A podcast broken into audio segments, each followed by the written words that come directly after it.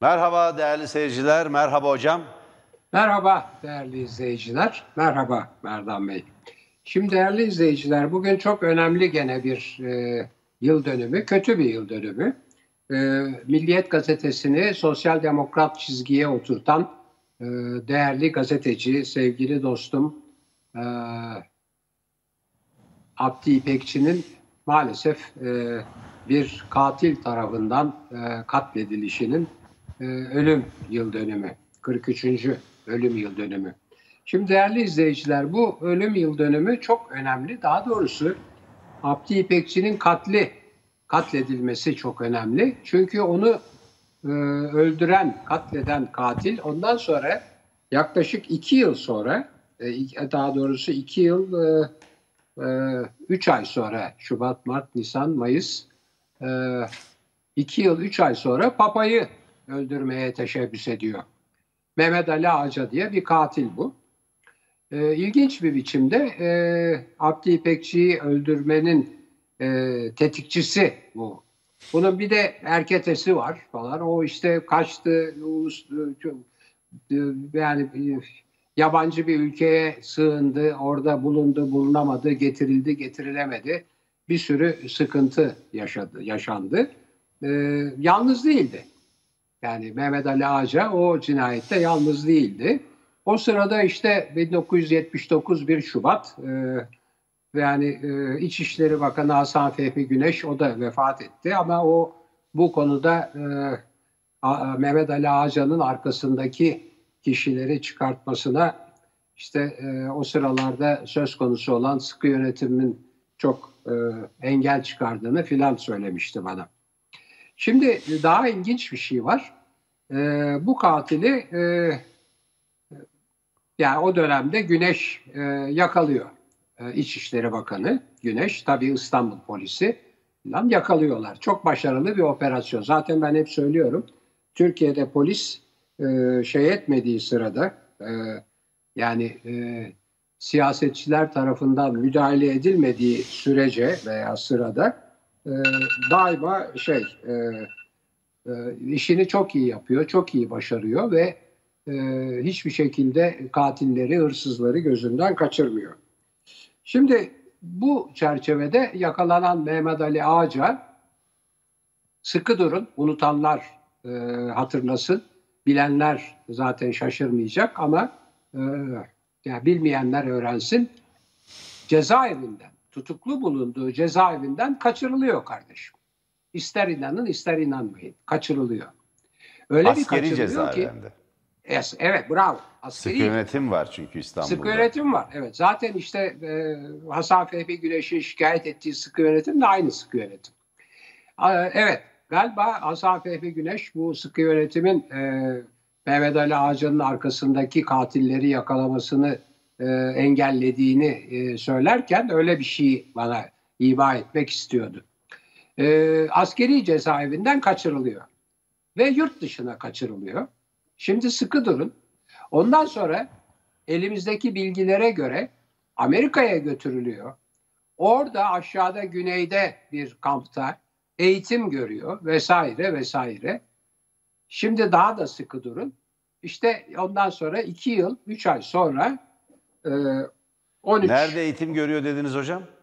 Amerika'da güney eyaletlerinden birinde bir özel kampta eğitim görüyor. Bunlar açık bilgi. Yani bunların hiçbirini ben uydurmuyorum. Bunlar hepsi bilinen şeyler. Daha şimdi arkası gelecek. Çok enteresan bir hikaye var orada. Ve 13 Mayıs 1981'de Papa'ya suikast düzenliyor. Öldüremiyor Papa'yı. Yani Papa kurtuluyor bu suikasttan. Ama Mehmet Ali Ağaca orada gene yakalanıyor. Şimdi tekrar işte ondan sonra sorgulanıyor falan ve derken Amerikalılar bu cinayeti e, cinayete teşebbüs eden, bu suikasta teşebbüs eden Mehmet Ali Ağaca'nın Bulgaristan'da eğitim gördüğüne ilişkin bir iddia ortaya atıyorlar.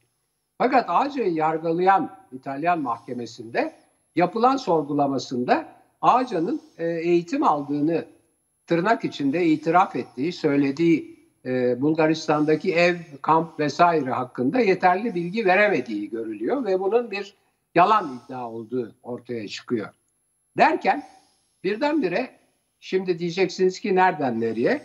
Ee, çok ilginç bir biçimde Portekiz'in bir kasabasında Fatima adlı bir kasabada Meryem Ana'nın üç tane çoban kıza göründüğüne ve onlara üç tane e, e, kehanette bulunduğuna ilişkin bir e, Katolik kilisesi şeyi var, e, ifadesi var, iddiası var. Nitekim o kızlardan biri sonra Azize yapılıyor, o da öldü. E, bu e, Meryem Ana'nın söylediği üç kehanetten bir tanesi işte şöyle yaparsanız, böyle yaparsanız iyi olur. İkincisi e, şunları şunları yaparsanız günahlarınız affolunur. Ama üçüncüsü çok ilginç. Bir beyaz elbiseli adama e, bir suikast düzenlenecek ve ondan sonra bir imparatorluk çökecek diyor. Şimdi o dönem 1981, 1989'dur e, Berlin Duvarı'nın yıkılması, e, Sovyetler Birliği'nin dağılması da Moskova Anlaşması'yla 1991'dir. Şimdi iddia o ki, bu da bir iddia, bir yorum. E, merak edenler benim e, internet sistemde Fatima ve Ağaca yazarlarsa bunları görürler. E, iddia o ki Papa Jean Paul galiba adı o sırada e, Polonya e, kökenli bir papa. Ve tabii Katolik dünyasının lideri. Ona bir Müslüman e, terörist tarafından ateş edilmesi ve ondan sonra bunun da komünistlerin yönetiminde ve işgalinde olan veya yönetiminde olan Bulgaristan, işgalinde değil tabii o sırada özür dilerim, e, komünist yönetimiyle idare edilen bir ülkede Bulgaristan'da eğitim verildiği iddiasıyla bu suikasta teşebbüs ediliyor olması Sovyetlere ilişkin e, Batı ittifakının ve başta tabii Amerika'nın onun lideri olan düzenlediği o işte önce ekonomi, daha doğrusu önce silah, sonra ekonomi, sonra da ideolojik din ve milliyetçi ve özgürlük silahlarının e, kullanılması biçiminde ortaya çıkıyor. Ondan sonra işte e, affedildi filan Türkiye'ye geldi bir şeyler oldu daha fazla ben e, doğrusu izlemek e, izleyemedim e, e, çünkü ondan sonra önemi de kayboldu. Böyle bir olaydır Abdi İpekçi'nin 1979'da katledilmesi ve onun arkasından da ha o arada tabii muhakkak Merdan Bey değinecektir şimdi hiç hiç kuşkum yok. E, tam o sırada ne tesadüf e, Hümeyni geliyor İran'a. Yani İran'da çünkü ben biliyorum şimdi Merdan Bey anlatacak. İran var orada e, Afganistan var falan orada bir e, Amerika Birleşik Devletleri ile Sovyetler Birliği arasında çok ciddi böyle şeye doğru Orta Asya'ya doğru gelişen bir müthiş bir kavga var. Nitekim Tude ve e, İslamcılarla birlikte geliyor Hümeyni. Ondan sonra da e, Amerika ile işbirliği halinde Tude'cileri e, asıyor. Ondan sonra da Amerika'ya tabii şeytan filan diyerek sonra değil de o sırada e, zaten onlara karşı da tavır koyuyor falan. Böyle bir olay. Şimdi e, kıssadan ise hemen e, bitiriyorum. Kıssadan ise Türkiye Cumhuriyeti maalesef bulunduğu stratejik e, şeytan üçgünü dolayısıyla yani Balkanlar, e, Kafkaslar ve Orta Doğu arasındaki stratejik konumu ve tek ileri e, laik gelişmiş bir Müslüman halka sahip olan bir devlet olması dolayısıyla uluslararası bütün kavgaların, dövüşlerin, soğuk savaşın baş aktörü olarak maalesef seçildi ve 1979 yılı bu e, bu maalesef hedef olmanın en e, yoğun yıllarından biriydi. Abdi İpekçi çok çok olağanüstü iyi bir gazeteciydi. Milliyeti sosyal demokrat bir gazete olarak zirveye taşıdı. Kendisinin e, anısı önünde saygıyla eğiliyorum. Eşini de kaybettik. Kızının e, gözlerinden öpüyorum. Damadına selam yolluyorum. E, ama Türkiye bugünlere böyle getirildi. Bunu hiç unutmayın. Evet buyurun efendim. Evet e, hocam ben e, bu konuya değineceğim. Mehmet Ali Ağaca konusunu çok e, üzerinde çok çalıştım. Ben Ağaca'nın kendisini de tanırım. 79'dan hem de tanırım, bilirim. E, çok özel bilgiler de var bende. Onları da açıklayacağım, söyleyeceğim ama çok daha acil gündemde bir konu var. Ben Abdi İpekçi'nin önünde saygıyla eğiliyorum. Bu aşamada söyleyeceğim iki tane şey var. Bir, Mehmet Ali Ağaca ülkücüydü, ülke ocakları üyesiydi. ülkücülerin o dönemde Beyazıt'taki üssü olan Küllük kahvesinde yakalandı. Onu ihbar eden bir başka ülkücü, orada seyyar satıcılık yapan biri de daha sonra öldürüldü. Bu bir faşist cinayetti ve 12 Eylül'e doğru gidişte ülkücülerin bir bölümü istihbarat örgütlerinin denetimine girmiş ve bir dizi suikast düzenliyorlardı. Hatta bu Abdi İpekçi öldürüldüğü zaman Türkeş'in bile kimin tarafından öldürüldüğünü sorduğunu biliyorum. Yani bu e, ifadelere de yansıdı. Bazı bu konuda belgeler de var.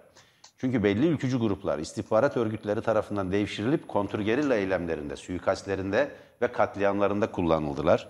Ben bunu e, Türk faşizminin e, tarihini anlattığım Ülkücü Hareket'in analitik tarihi üst başlığı da MHP değişti mi kitabında ayrıntılı bir şekilde değindim. E, Papa suikasti de çok e, bambaşka bir bağlama oturuyor. Öncelikle belirtelim.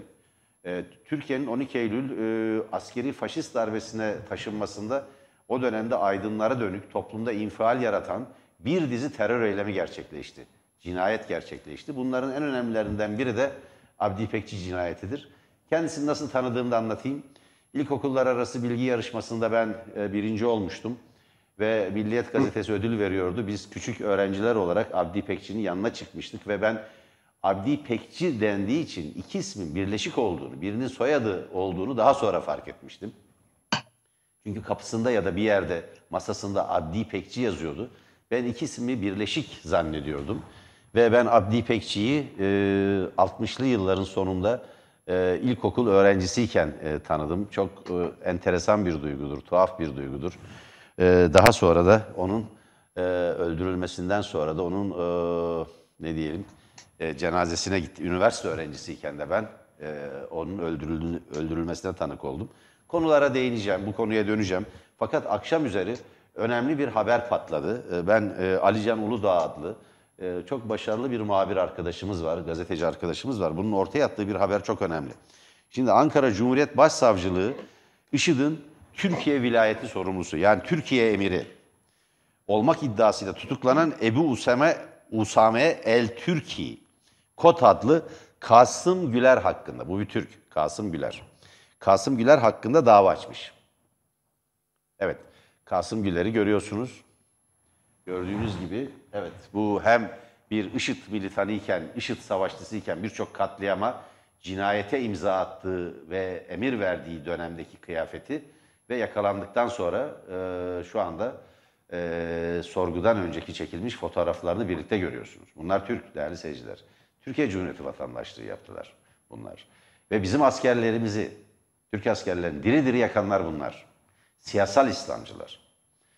Ee, İslam'la terörü yan yana getirmeyin diyorlar. Getirilmemesi gerekiyor. Halkın inancıyla bunların siyasal İslamcı ideolojisi arasında bir ilişki yok. Bu doğru. Ama İslamcı gerekçelerle işlenen cinayetler olduğunu bu ülkede bu halktan gizlediler. Bunların iki Türk askerini yakarak, bakın yakarak, diri diri yakarak, videoya çekerek, başlarında Türkçe konuşup, e, bu kafirlerin devletini yıkmaya and içerek, Türkçe and içerek, diri diri yakarak öldürdüler, şehit ettiler. İşte bu Kasım Güler onlardan biridir. Şimdi bunun hakkında bir dava açılmış. Bu itirafçı olmuş, korkak, ödlek bunlar. Bunlar yüreksiz aynı zamanda. İtirafçı olmuş ve bu e, Ebu Usame El Türki, isme bakar mısınız? El Türki, yani e, adlı bu Kasım Güler, 74 sayfalık itiraflarında iki şey söylüyor. Kemal Kılıçdaroğlu'na ve Ekrem İmamoğlu'na karşı suikast hazırlığında olduklarını söylüyor. Onları öldürmeye karar vermişler. Başka neler var? Türkiye'de diyor bakın kendisi söylüyor. Güler, Türkiye'de CHP Genel Başkanı Kemal Kılıçdaroğlu, İstanbul Büyükşehir Belediye Başkanı Ekrem İmamoğlu, LGBTİ artı bireyler, Kapadokya'da turistleri taşıyan hava balonları, Zöhre Ana Cemevi ve Adana'da İncirlik üstüne saldırı planladıklarını itiraf etmiş. Görüyor musunuz? LGBTİ'ye karşı yani farklı cinsel tercihleri olan veya doğuştan farklı cinsel kimlikleri olan insanlara karşı bu ülkede geliştirilen nefret söyleminin nerelere kadar vardığını gördünüz değil mi? İktidar tarafından da pompalanan o nefret söyleminin nerelere kadar vardığını gördünüz. LGBTİ mensubu bireylere, Zöhre Ana Cemevi'ne, o cemevi neredeyse bilmiyorum, e, seyircilerimiz yazarsa, e, çünkü hemen programın hemen öncesinde geldi bize. Adana'daki İncirlik Hava Üssü'nü biliyoruz, Amerikan e, Hava Üssü, İncirlik Üssü'nü biliyoruz. IŞİD bir Amerikan çocuğudur üstelik. Emperyalizmin imalatıdır, tıpkı El-Kaide gibi. Afganistan Demokratik Halk Cumhuriyeti'ne karşı Pakistan-Afganistan sınırında kurulan medreselerde yetiştirilen şeriatçılar Amerikan istihbaratının eğitiminden geçmiş, silahlandırılmış ve yönlendirilmiştir. Arkadaşlar söyledi, öğrenmişler bu Zöhran Acemevi Ankara'daymış. Oraya karşı bir saldırı planlamışlar. Ben merak ediyorum emniyet gidip uyardı mı, tedbir alındı mı, ne yapıldı bunlar da belli değil. Ve daha da önemlisi CHP Genel Başkanı Kemal Suikast e, Kemal Kılıçdaroğlu'na karşı bir suikast planlıyorlar. İstanbul Büyükşehir Belediye Başkanı'na karşı suikast planladıklarını itiraf ediyor. Nokta şeyler vermiş, hedefler vermiş. Kapadokya mesela. Balonlar artık onu niye? Oradaki turistler gavur onlar çünkü. Öyle mi düşünüyorlar bilmiyorum. Hangi gerekçelerle? Kapadokya ya Türkiye'nin turistik bir bölgesi. İnsanlar geliyorlar oraya ve Türkiye'nin en güzel bölgelerinden biri, bir doğa harikasıdır orada. Balonlarla e, seyahat ediyorlar. Biz yani yani benim oğlum da çok bayılırdı e, balonu. E, e, çok merak ederdi balonla seyahati. Çünkü 80 günde devri alem gibi bir sürü çocuk romanlarını okuyarak büyümüş bir kuşaktır. Oraya ilk gittiğinde yaptığı bütün haçlığını bastırıp balonla uçmak oldu. Ne olacak şimdi? Şimdi bakın ee, bu Kasım Güler, Kasım Güler'in itirafları mahkeme dosyasında, mahkeme kalevinden bir avukat aracılığıyla ya da başka bir e, biçimde bu bilgilere ve belgelere Alican Uludağ adlı arkadaşımız, gazeteci arkadaşımız ulaşmamış olsa kamuoyunun bilgisi yok bundan. Ben merak ediyorum. Sayın Kılıçdaroğlu'na böyle bir bilgi verildi mi? Güvenlik önlemleri artırıldı mı? Ekrem İmamoğlu'na böyle bir bilgi verilip güvenlik önlemleri artırıldı mı? Ne yapıldı? Bir çocuğu kürsüye çıkartıp Türkiye'nin ana muhalefet partisi liderine hain dedirtmek bu ülkeyi yönetmek anlamına gelmiyor. Bu ülkede kin ve düşmanlık tohumları ekmek anlamına geliyor. Ondan sonra da Cumhuriyet, laiklik, modernleşme, aydınlanma düşmanı, orta çağ artığı, IŞİD'li teröristler o ana sizin hain diye bir çocuğa, 10 yaşındaki bir çocuğa bağırttığınız o ana muhalefet partisi liderine suikast planlamayı düşünüyorlar. Ve bunu itiraf etmişler. Günün en önemli haberi budur. En büyük haberi budur. Ben buradan bütün Türkiye'nin AKP iktidarının bu ülkeyi hangi noktaya getirdiğini, nasıl bir kargaşaya, nasıl bir istikrarsızlık ve güvensizlik ortamına ittiğini bir kez daha düşünmeleri gerektiğini e, ifade etmek istiyorum. Düşünebiliyor musunuz? Erzurum'da kar yağmış, yolları kar tıkamış bir köylü daha önce kendi deyimiyle AK Parti'ye oy verdiğini söyleyen bir köylü yolları neden açmıyorsunuz bir an önce açın ulaşamıyoruz diyor. O köylüye sorduğu ilk soru ne biliyor musunuz? Daha önce hangi partiye oy verdi? Milleti, bakın bu milleti, bizi bir toplum olarak birleştiren, bir ulus olarak birleştiren bütün değerleri imha edip milleti AKP'ye oy verenler ve vermeyenler, inananlar, inanmayanlar, Aleviler, Sünniler, Türkler, Kürtler, her neyse. İnananlar, inanmayanlar gibi. Enine, boyuna, çapraz olarak her yönden birçok parçaya bölerek Türkiye'de küçük şer'i çıkarlar için kutlu dava dedikleri, kendilerine bu ülkeyi yağmalama imkanı verecek bir rejim kurmak için bu ülkenin bütün ortak zeminleri, bizi birleştiren bütün değerleri imha ettiler. Buyurun. IŞİD ana muhalefet partisi genel başkanına karşı bir suikast planlamış. Bunu da açıkça adam itiraf etmiş. Evet hocam. Evet, bu tabii dehşet verici bir şey. E, çünkü e, bu IŞİD e, denen teröristlerin 2015 e, 7 Haziran seçimlerinden tekrarlatılan 7 Haziran seçimlerinden 1 Kasım seçimine tekrara giderken Gar katliamının sorumluları olduğunu, daha doğrusu Yani örgüt şeyini şimdiden e, ben tekrar söylemeyeyim ama 103 ta Kars'tan- vatandaşımızı öldürdüler. Evet, ta Kars'tan kalkıp gelen bir İslamcı terör örgütü diyelim. Ee, İslam'la terörü bir arada e, kullanmayın diyorlar. Değil tabii. İslami terör diye bir şey değil. Ama kendilerinin Müslüman olduklarını iddia eden e, bir takım örgütler var. De Gaziantep'ten gelmiş biri. hocam. Kars'tan değil Evet, de. daha yukarıdan da gelen böyle bir takım ilişkiler falan var. Ee, şimdi ve Gar katliamında 103 kişinin hayatına mal olmuş bir cinayet işlendiydi, bir katliam işlendiydi ve o sıradaki yönetim bunu böyle e, kokteyl terör filan efendim işte IŞİD, PKK, FETÖ bunların hepsi birleştiler e, ortaklaşa Türkiye'nin kuyusunu kazıyorlar filan diye e, asıl failleri ki onu e, devlet izlemiş yani bütün yolundan izlemiş. Yani kim nereden kimle temas etti nasıl çıktı nereye geldi ne zaman Ankara'ya geldiği filan hepsinin kayıtları var. Bunları gene polisten öğreniyoruz. Benim hiç böyle gizli bilgim filan yok. Hepsi bunların açık bilgi. Şimdi bu bilginin tabii sızmış olması dışarıya çok e, rahatsız edici, dehşet verici bir şey. E, Alican Ulu da hala Almanya'da herhalde değil mi Merdan Bey? Yani Yok hocam şu an- Türkiye'de. Türkiye'de hayır. Burada çalışıyor. Öyle mi? Ankara'da Türkiye'de. çalışıyor hocam. Ankara'da Ha, çalışıyor. mi? Biz irtibat Bir- halindeyiz kendisiyle. Ha, bir ara çünkü dışarı filan gittiydi. Evet. O şey e, böyle acar bir şeydir. Acar bir muhabirdir. Oradan yakaladı demek. Evet yani böyle bir e, doğru o, o değildi. E, yurt dışına giden öbür arkadaştı doğru. Er, Erk Acarer'le karıştırdım e, Ali Can Uludağ. E, yurt dışında olan Erk Acarer'dir ki özür diliyorum ikisinden de. Ali Can Uludağ da eski bir Cumhuriyet muhabiridir. Oradan hatırlıyorum kendisini. Değerli ve acar bir gazetecidir.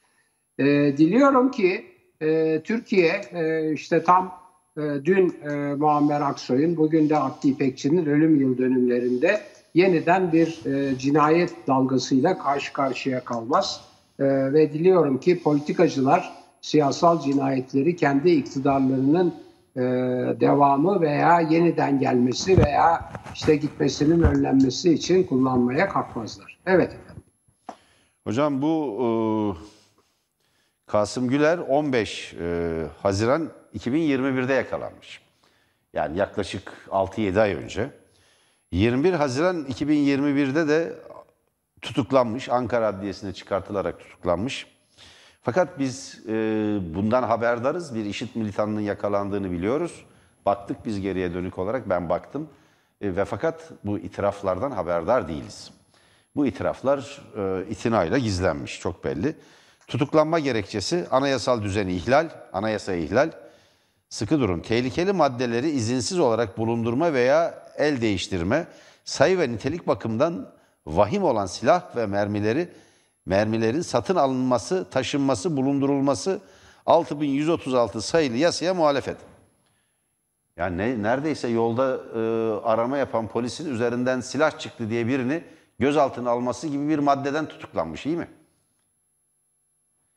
Suriye sınırından kaçak yollarla Türkiye'ye dönmeye çalışırken yakalanmış bu Kasım Güler. Kendisinin IŞİD'in Türkiye vilayeti emiri olduğu biliniyor. Yani Türkiye'deki bütün IŞİD eylemlerinden sorumlu olduğu biliniyor. Dolayısıyla biraz önce Emre Hoca'nın sözünü ettiği Ankara Gar katliamı. iki, bakın 200'ün üzerindeki yurttaşımız yaralandı. 103 yurttaşımız barış ve demokrasi isteyen 103 yurttaşımız yaşamını yitirdi. Ve Gaziantep'ten itibaren gelen canlı bomba Gaziantep'ten yola çıkıyor. Ankara'ya gelişi, Ankara'daki bütün hareketleri izlenmiş olmasına rağmen önlenmedi ve tutuklanmadı. Dönemin başbakanı da eylem yapmadan nasıl tutuklayacaksınız dedi. Değil mi? Eylem yaptıktan sonra zaten tutuklamaya gerek yok. Kendi kendilerini havaya uçuruyorlar. En iyi, en iyi güvenlik hizmeti önleyici hizmettir. Siz suçun oluşmasını önlersiniz. Suç oluştuktan sonra cezalandırmanın evet bir önemi var ama yol açtığı tahribatı, aldığı canları önleyemiyorsunuz, ortadan kaldıramıyorsunuz. Mesele bu. Ee, bu kişi tabi anayasaya ihlal e, maddesi tam ne o belli değil. Şimdi burada vahim silah denilen tabii ki e, otomatik silah, patlayıcı maddeler vesaire. Onlar vahim diye nitelendirilir e, polis e, terminolojisinde, jargonunda. Şimdi itirafçı olup aftan yararlanma, yani cezasını düşürmek istiyor. Bu da önemli. 74 sayfa kendi el yazısıyla veriyor. Diyor ki, Suriye İç Savaşı sürecine katıldığını anlatıyor Güler. 2019'da Mustafa Dokumacı'nın emriyle örgütün Türkiye vilayeti sorumlusu oldum. Dokumacı'nın iç, işit içerisinde e, mektep kuran bu pozisyona getirilen en üst düzey ilk Türk olduğunu söylemiş. Mustafa Dokumacı. Bu adı hiç unutmayın. Dokumacı'nın kurduğu mektebi Faruk'un emrinde Türkiye vilayeti, Rusya vilayeti, Ukrayna vilayeti, Azerbaycan vilayeti e, ve ismini gizledikleri ve kendisine söylenmeyen 3-4 Avrupa ülkesinde bulunuyormuş bu sorumlu atanan. Mektebi Faruk bu vilayetlerde gerçekleştirilecek eylemler dahil olmak üzere eleman, para temini ve lojistik konularında karar verici bir oluşummuş. Mektebi Faruk diye bir yer kurmuşlar. Yani kim kuruyor bunu? Mustafa Dokumacı kuruyor. Suriye'de kuruyor. Kurduğu e, merkezin adı Mektebi Faruk. Mektebi Faruk'un emrinde de çeşitli ülkelere atadıkları vilayet emirler oluyor. Bir e, aleme yani dünyaya nizam verip dünyayı tek yeryüzünü e, Allah'ın tek ülgesi sayıp ancak Türkiye vilayeti, İran vilayeti, Azerbaycan vilayeti diye nitelendiriyorlar. Ayrı ayrı bağımsız devletleri de tanımıyorlar. Bunlar kafirlerin devleti çünkü bir yanıyla. Böyle devam eden uzun bir itiraf e, ayrıntılı bir şekilde anlatmış. Nasıl bilgi topladıklarını. Şimdi bakın yaptıkları eylemleri de anlatmış. Ekrem İmamoğlu ve e, Sayın Kılıçdaroğlu'na yönelik suikast hazırlıklarının ötesinde Alevilere ait 2020 yılında Adana'da Alevilerin araçlarının kundaklanması, Adana'da yine Alevilerin bakın Alevilere ait bazı iş yeri ve evlerin kundaklanması, yakılması, bunlara saldırıda bulunulması gibi bir dizi eylemleri de gerçekleştirmişler. Türkiye'nin Türkiye'nin birliğiyle, Türkiye'nin dokusuyla oynuyorlar. Adana, Mersin, Hatay, o ta Laskiye'ye kadar giden bir coğrafyadır o. Arap Alevilerinin bulunduğu, tümü Cumhuriyet ve Cumhuriyet'in değerlerine bağlı, Atatürk'e büyük saygı ve sevgi besleyen bir toplum kesimidir orada yaşayan. Türkiye'ye bağlı bir kesimdir üstelik. Toplum kesimidir onlar. Bunları Türkiye Cumhuriyeti ile bunların bağını koparabilecek tehlikeli bir iştir bu. Bir Sünni siyasal İslamcı terör örgütü üzerinden e, Çukurova Aleviliği dediğimiz bölgede bu tip eylemlerin yaptırılması bu ülkeye verilebilecek en büyük zararlardan biridir. Böyle bir ilkel, böyle bir orta çağ kafasına sahip bir e, oluşumla, örgütle karşı karşıyayız. Evet polis yakalamış dediğiniz gibi kendilerini tebrik ederiz. En azından bu suikastleri yapmadan yakalamış olmaları, kalkışmadan yakalamış olmaları önemli. Ama Suriye'yi bu duruma düşüren, Suriye'de merkezi iktidarın etkisini, egemenliğini kırıp, kırmaya çalışıp orada bir iç savaşı tetikleyen e, emperyalistler ve onların hizmetine koşan AKP iktidarını unutmayın. AKP iktidarının izlediği dış politika, Türkiye'de rejimi değiştirmek için kendisine uygun bir arka bahçe, bir hinterland yaratmak, bir arka ülke yaratmak siyasetinin sonucu olduğunu, yeni Osmanlıcı Osmanlıcı hayallerin bir ürünü olduğunu bu tablonun hiçbir zaman unutmayın. Buyurun hocam. Evet. Şimdi değerli izleyiciler bu çok önemli bir e, örgüt bu IŞİD. E, şuradan çok önemli. Bakın bu söylediğimin altını çizin. Bu fevkalade önemli bir şey. E, siyaset, din ve milliyetçilik açısından. Hangi terör örgütü yaptığı terörü bir dine, bir mezhebe, bir ırka veya bir milliyete dayanarak yapıyorsa bunun iki tane sonucu oluyor. Bir, o terör örgütünün dışında kalan herkes o örgütün adına terör yaptığı dinden, mezhepten, ırktan veya milliyetten nefret etmeye başlıyor. Onlara ayrımcılık uygulamaya başlıyor. Şimdi bu terör örgütünün ekmeğine tabii yağ sürüyor. Çünkü onlar diyorlar ki bize haksızlık e, bize haksızlık yapılıyor. Biz de bu haksızlığa karşı şiddete başvurmaktan başka çaremiz yok diyorlar. Dolayısıyla şiddetin tırmanması terör örgütlerinin işine gelir. Birincisi o. İkincisi fakat çok çok e, gerçekten trajik bir şey. Gerçekten o dinin, o mezhebin, o ırkın veya o milliyetin mensupları yani kimlik olarak o dini, o mezhebi, o, o dine, o mezhebe, o ırka veya o milliyete sahip olanlar, kimlik olarak sahip olanlar. Ama kendi kimliklerini terör için kullanmayanlar, başka bütün öteki kimliklerle bu kendi kimliklerinin eşitliğine inananlara en büyük kötülüğü o o kimlik adına cinayet işleyen, insanları öldüren örgütler yapıyor. Şimdi IŞİD'in en önemli fonksiyonu bakın. Bütün dünyada, özellikle Avrupa'da, özellikle Avrupa'da e, yükselen e, İslamofobinin temelinde yatıyor keratalar. Yani IŞİD'in e, hem e, Suriye'de hem e, Batı ülkelerinde e, işte saymaya şimdi gerek yok. E, Paris'ten, Londra'dan, şeyden geçen birçok şeyi var, eylemi var. Yaptığı eylemler birdenbire Avrupa'da İslam dinine, Müslümanlara, Türklere ve diğer Müslüman e, milletlere, Araplara, e, ırklara karşı bir fobi, bir, bir korku uyandı. Ve bu, bu dehşet verici bir şey. Yani ondan sonra biz burada yırtınıyoruz. Ha bir de şey ceza yazıyor değil mi? Rütük bir de İslam'la terörü bir arada ağzınıza aldınız diye ceza yazıyor. Bunlar İslamcı bunlar, diyoruz biz. İslami terör demiyoruz. Biz o davayı kazandık hocam.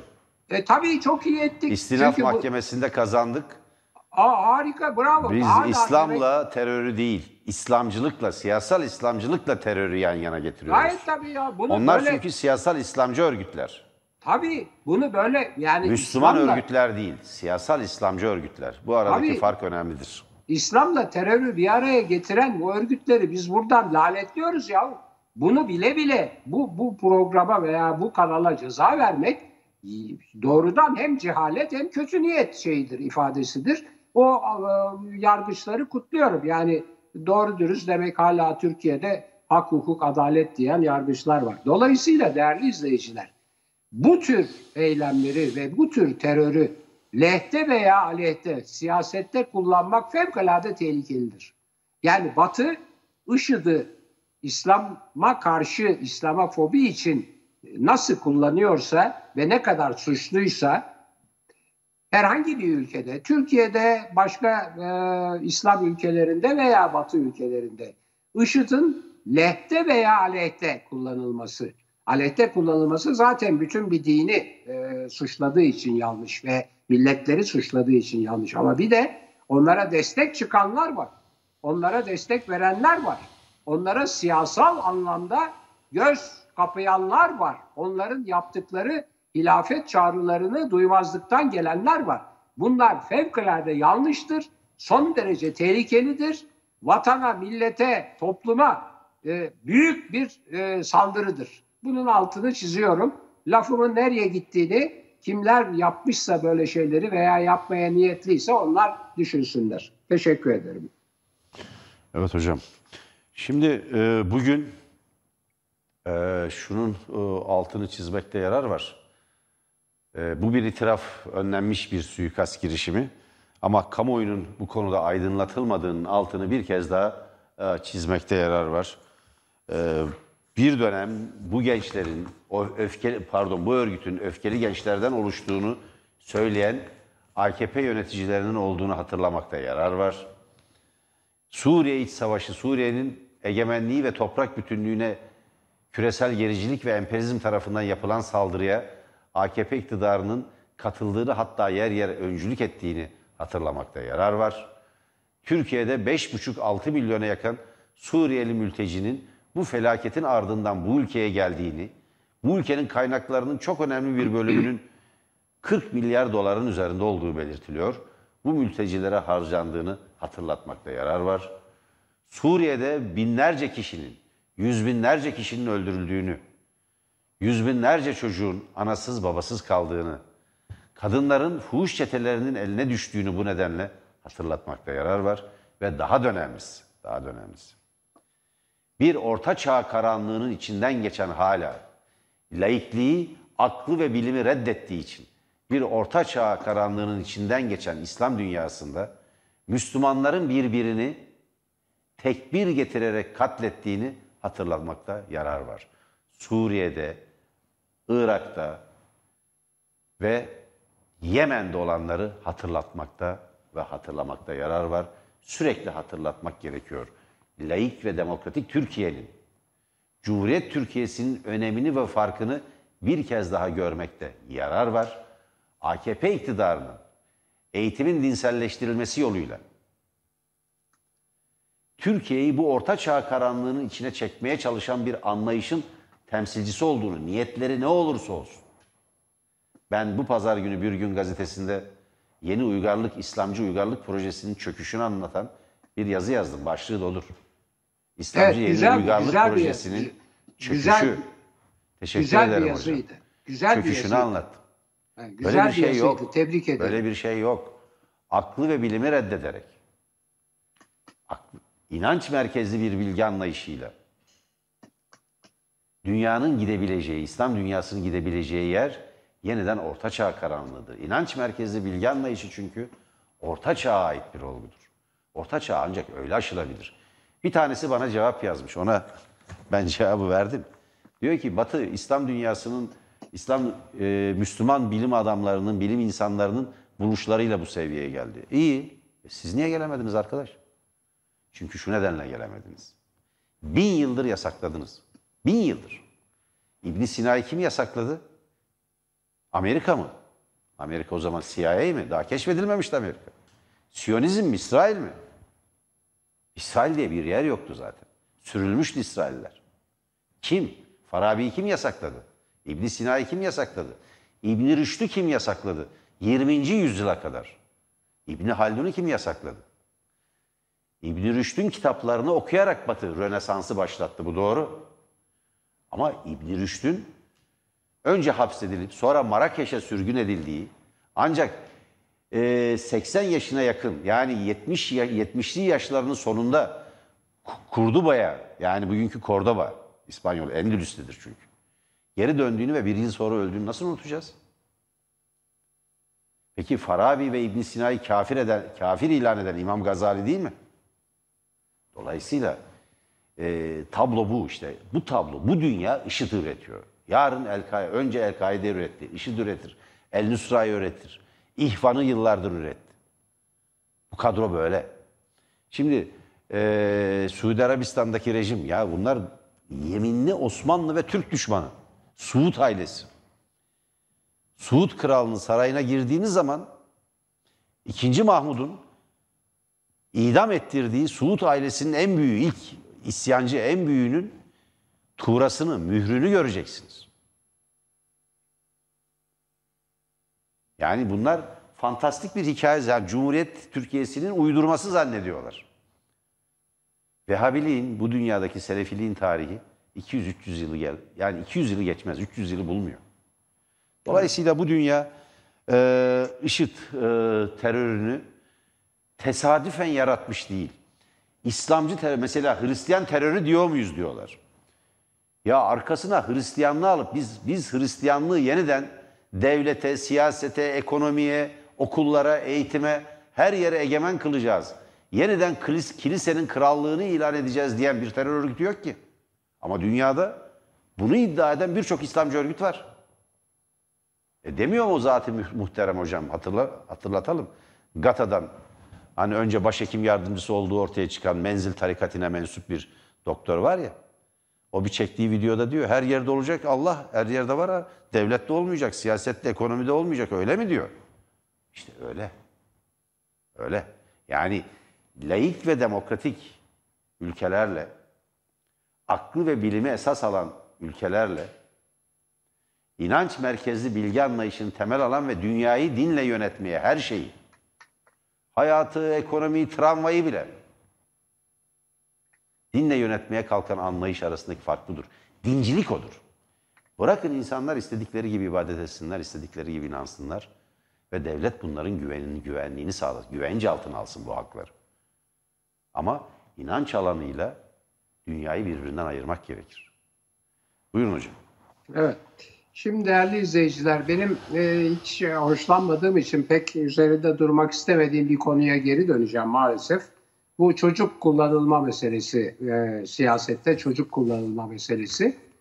Bunu çünkü e, bir başka konuyla irtibatlandırarak e, çok yanlış, çok kötü bir şey olduğunu söyleyeceğim. O da şu, zaman zaman biliyorsunuz, görüyorsunuz e, resmen yani Diyanet İşleri Başkanlığı'nın resmi girişimleriyle e, okul öncesi eğitim e, çerçevesinde e, o yaşta 4-6 yaşındaki çocuklara Kur'an kursu verildiği takdirde bunların da okul öncesi eğitimden, resmi eğitimden sayılması girişimleri falan var. Ayrıca başka şeyleri de görüyoruz sosyal medyada.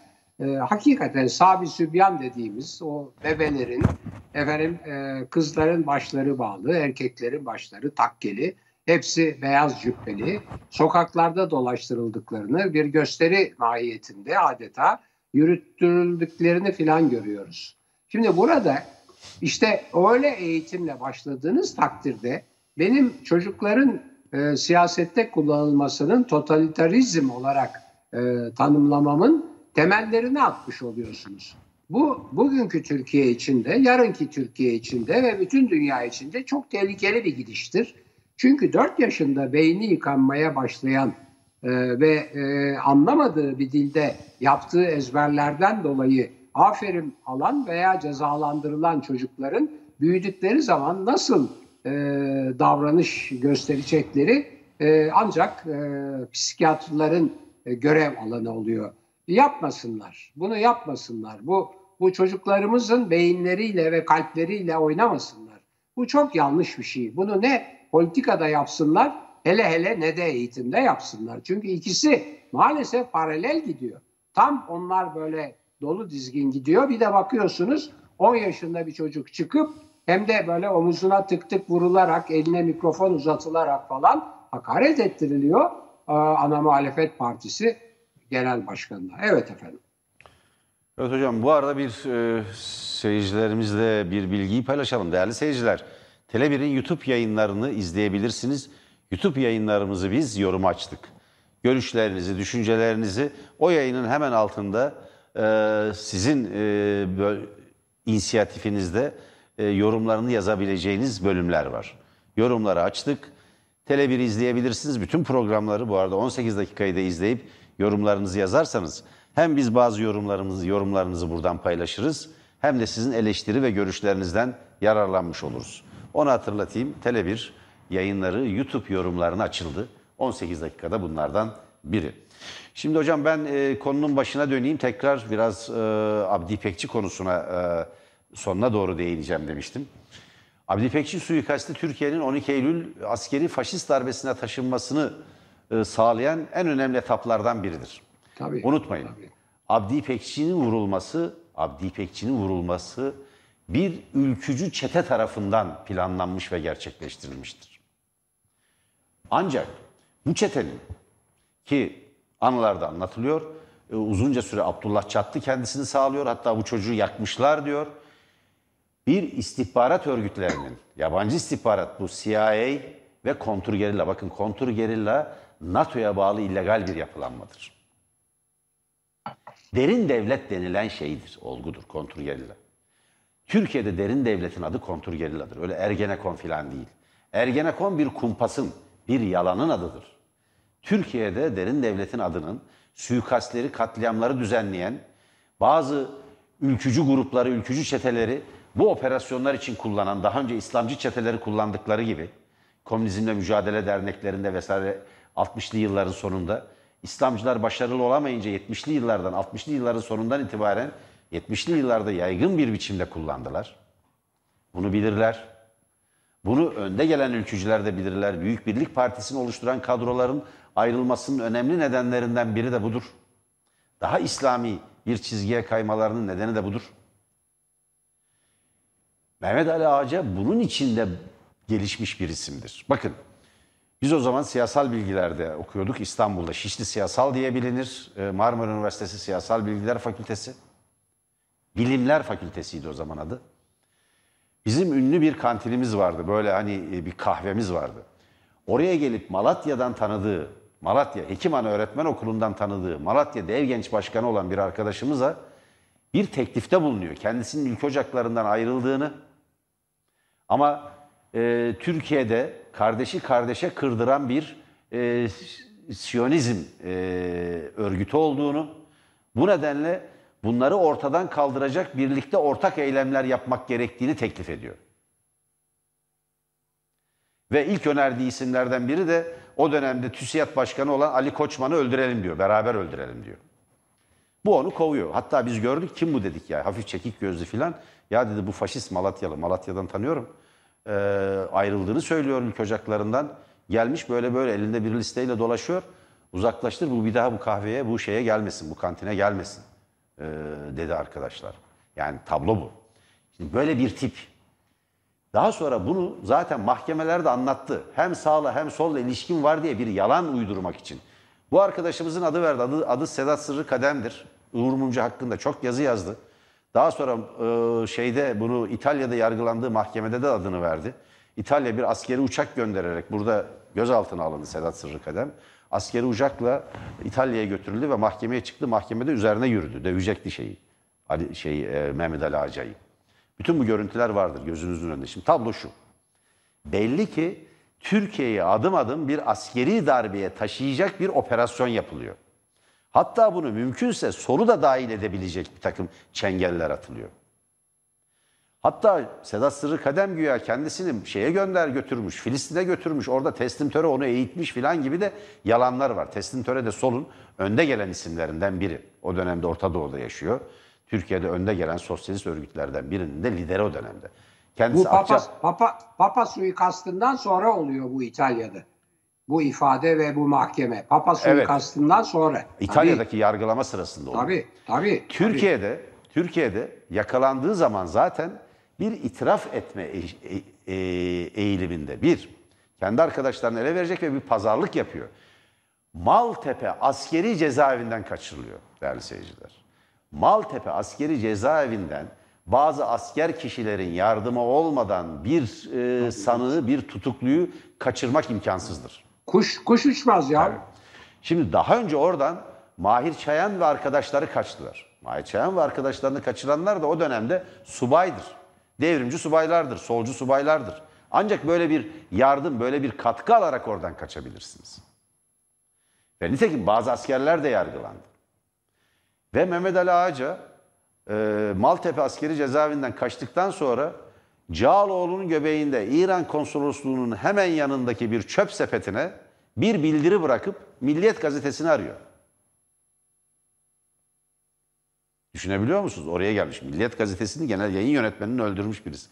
Orada zaten yani 79'un sonlarında, 80'in başlarında orada zaten Papa'yı öldüreceğini söylüyor.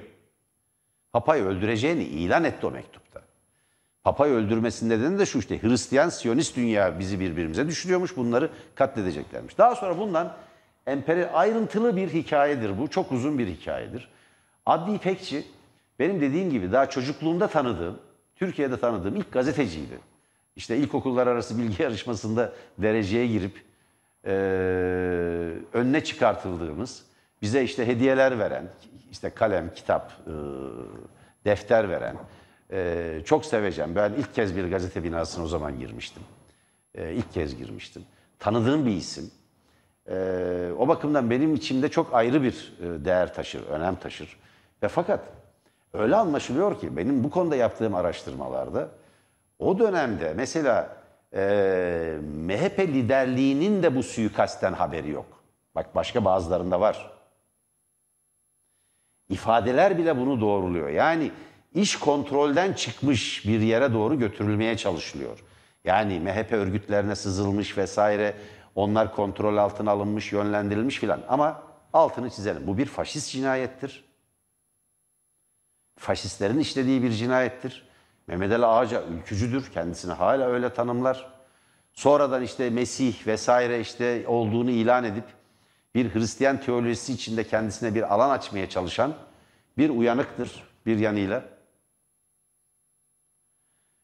İtalya'da da 25 yıla yakın hapis yatıp işte infaz yasasından yararlanarak serbest bırakıldı. Türkiye'de geldi. Abdi İpekçi'yi öldürmekten dolayı yattı. İtalya'da yattığı hapis süresi buna sayıldı. Türkiye'de o sürede çıkan af, infaz yasalarında değişiklik vesaire gibi bir dizi kanundan yararlanarak serbest kaldı. Ama Abdi İpekçi'nin katilidir. Abdi İpekçi'nin katili kontrgerilladır. NATO, NATO'nun Gladio örgütüdür. Bunun altını çizelim. Evet, e, arkadaşlar uyarıyor hocam. Sizin son sözleriniz varsa. Evet, Buyurun. benim son sözlerim belli. Ee, bu kargaşalıkta e, lütfen sağlığınızı, haysiyetinizi, şerefinizi ve varsa paranızı koruyun. Evet hocam, bizden sonra e, Tuğba Emley'in Mercek programı var. Mercek programını kaçırmayın. Mercek programında bir Alican Uludağ'ın ortaya çıkardığı bu suikast konusu, Kemal Kılıçdaroğlu'na ve Ekrem İmamoğlu'na karşı IŞİD'in düzenlemeye çalıştığı suikast konusu enine boyuna konuşulacak. Ee, çok önemli konukları var. Ee, bütün konuklarını burada şimdi hemen bir çırpıda saymak yerine vakit kaybetmeden arkadaşların hazırlık yapmasına da imkan tanıyarak ben sizlere hoşça kalın diyorum. Tam saat 21'de Tuğbe Emlek'le birlikte mercek programını kaçırmayın. Hoşça kalın. Görüşmek üzere.